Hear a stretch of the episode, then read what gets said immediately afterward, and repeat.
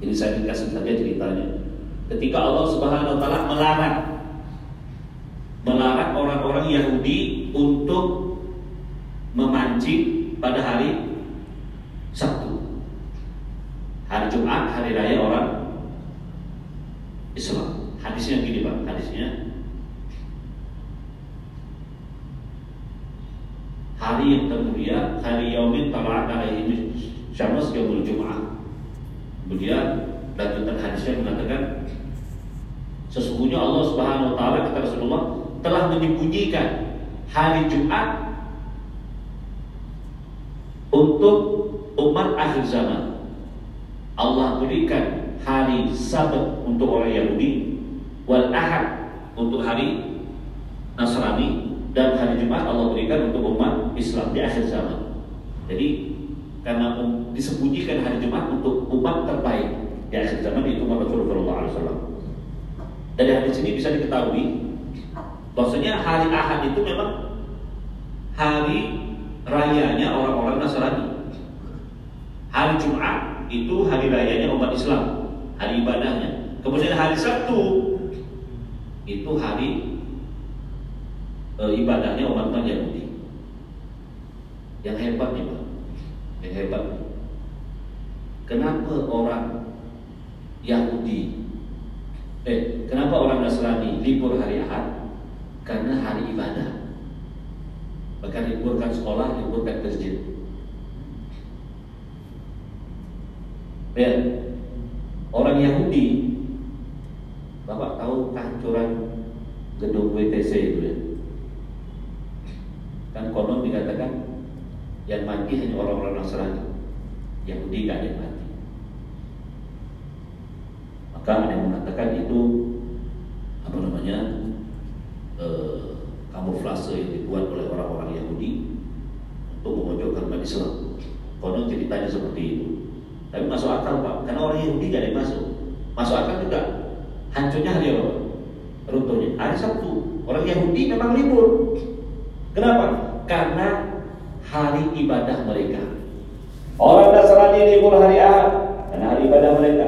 Yahudi libur hari Sabtu karena hari ibadah mereka. Umat Islam. Kenapa kerja hari Jumat? Karena hari ibadah mereka. Betul? Betul? Nah ini tak masuk akal Pak.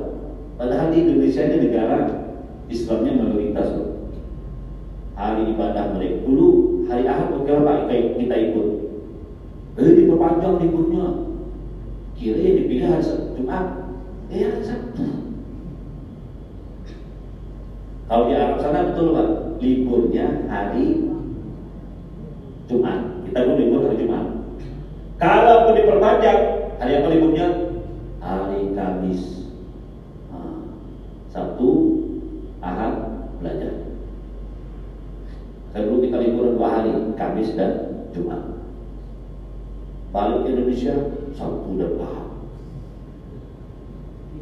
Macam kita ini tinggal di negara Yahudi, sama negara Nasrani. Ya udah, dan lanjut Pak Ustaz.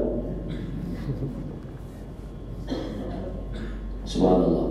Di eh, apa namanya? Begitulah perjuangan para para para ambiya wal mursalin. Mereka itu ah, saya cerita satu lagi tadi yang tadi yang belum selesai. Jadi ketika ada mengail pada hari Sabtu, maka umat Yahudi terbagi menjadi tiga kelompok. Satu disebutkan dalam Quran itu mereka tidak mengail sama sekali karena perintah Allah. Perintah nabinya Nabi Musa untuk tidak mengail pada hari itu. Mengail, mancing, memancing. Ya. Kemudian yang kedua mengatakan udahlah dia memancing mancing biarkan dia. Kita jangan mengusaha itu naik pada ibadah biar ya dia. Kita jangan mencegah. Yang pertama ini tidak memancing kemudian mengajak kawan-kawannya dan mengatakan yo kalian jangan mancing Allah melarang dan sebagainya. Kelompok yang kedua ya dia dia. Kita ibadah, dia biarkan dia, dia urusan dia. Dia nak masuk neraka urusan dia, bukan urusan kita. Apa hubungan sama kita? Yang ketiga, tetap, tetap memancing. Karena dia tahu dia menganggap masa itu hanya muslihat daripada Nabi Musa saja. Subhanallah. Di antara tiga golongan ini siapa yang Allah turunkan azab? Yang Allah mengatakan, "Kunu qiradatan khasiin." Jadilah kalian para monyet. Setelah tiga hari dibinasakan Allah SWT. Jadi monyet tiga hari kemudian dimatikan Allah SWT. Kelompok yang mana yang benar? Kelompok dua dan ketiga. Hah? Kelompok dua dan ketiga. Siapa kelompok kedua ini? Yang tidak mau beri nasihat, biarkan dia. Hmm. Ya. Yang ketiga, yang tetap memancing. Yang nomor satu berusaha mengajak kawan-kawannya untuk tidak memancing. Ini yang diselamatkan oleh Allah Subhanahu Wa Taala. Makanya Pak, saya sering mengatakan kalau di gang kita, di lingkungan kita ada maksiat, kita harus bertindak. Apa kata Rasulullah SAW? Maka amin kemungkaran falyughayyiru biyadi dengan tangannya, mengikat dengan tangannya. Fa'ilun yastati tidak bisa fabi qalbihi eh, fabi lisani dengan lisannya. Fa'ilam yastati fabi qalbi ikat dengan. Lisan itu termasuk bukan berarti kita datang ke sana bilang Pak, boleh nih. Hmm, kita laporan, kita bisa lapor ke polisi. Itu tindakan yang bisa kita lakukan. Gara-gara saya negurkan dia Ustaz saya tidak suka sama dia. Risiko kalau seperti itu. Kalau dia bilang yang judi aku yang mabuk aku grab kolor iya yang judi kau yang mabuk kau. Tapi bencananya aku yang kena. Aman benar ente nah, jawab seperti itu ente judi urusan ente mabuk urusan ente tapi ketika Allah turunkan bencana anak juga ikut kena hmm, itu masalahnya kalau kita tidak ngajak, kita juga kena. Karena itu tugas kita.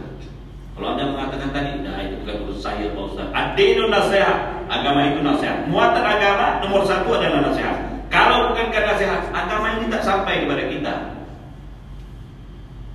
Kalau bukan nasihat, agama ini tak sampai kepada kita. Jadi satu menyampaikan, kedua mengajak. Jadi tidak cukup menyampaikan saja. Jadi tugas para nabi itu menyampaikan rukun Islam ada lima. Itu nyampaikan namanya. Yang pertama syahadat, yang kedua sholat. Tidak cukup, nyampaikan saja. Ayo kita sholat supaya Allah Subhanahu Wa Taala turunkan pahala kita. Kalau kita tidak sholat, dosa, dosa Allah akan turunkan azabnya. Kalau pahala Allah berikan surga. Itu nasihat Jadi nggak cukup menyampaikan, tapi harus ada pesan nasihat. Oke. Uh, lanjutkan hadisnya.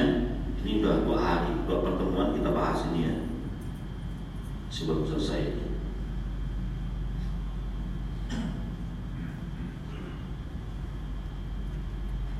An Jabir bin Abdullah qala bay'atu Rasulullah sallallahu alaihi wasallam ala iqamati shalah wa ita'i zakat wa nusur muslimin. Dari sahabat Jabir bin Abdullah berkata, Aku telah membayar Rasulullah SAW untuk mendirikan sholat, mengeluarkan zakat dan nasihat untuk sesama muslim. Di wajib kita menyampaikan masalah mereka menerima tidak menerima itu bukan urusan kita.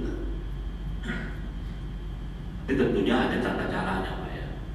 Yang menyampaikan ada tata caranya. Nah kita yang menerima ini pun harus pandai memanage hati karena kita tuh tak terima kenapa? Kau pula nasihatkan Kamu yang masih melengkapi. Kan ada yang ngomong seperti itu. Seharusnya kita nih, kalau yang punya hati yang bagus, seharusnya kita tidak ngomong seperti itu. Kita bersyukur kepada kawan kita nih, karena dia telah menghilangkan kotoran dan kelejengking yang ada di hati kita. Kemarin saya berikan analogi, ada kala di kepala kita, orang yang peleng dengan kuat, awalnya kita marah ujung-ujungnya makasih ya kalau takut kepeleng aku mungkin aku udah kena petok si kalian begini ujung-ujungnya terima kasih. Tapi itulah ketika kala jengking kala itu ada di hati kita. Terima kasih. Seharusnya seperti itu ayat nyampaikan juga seperti itu seharusnya sebelum dia nyampaikan dia evaluasi dulu. Ya. Evaluasi dulu dan baru dia menyampaikan. Kita malah takut masuk dalam firman Allah Subhanahu wa taala yang berbunyi kabura maqtan Allah an taqulu ma la taf'alun. Besar murka Allah Subhanahu wa taala kepada seseorang. Dia mengajak tapi dia tidak melaksanakannya. Sekarang Pak kita dibenturkan dengan ayat ini. Ustaz bukan saya tidak menyampaikan kalau saya menyampaikan tapi saya tidak kerjakan Allah murka tapi kalau orang maksiat kau tak tegurkan, Allah juga murka. Nah, kira-kira berat yang mana?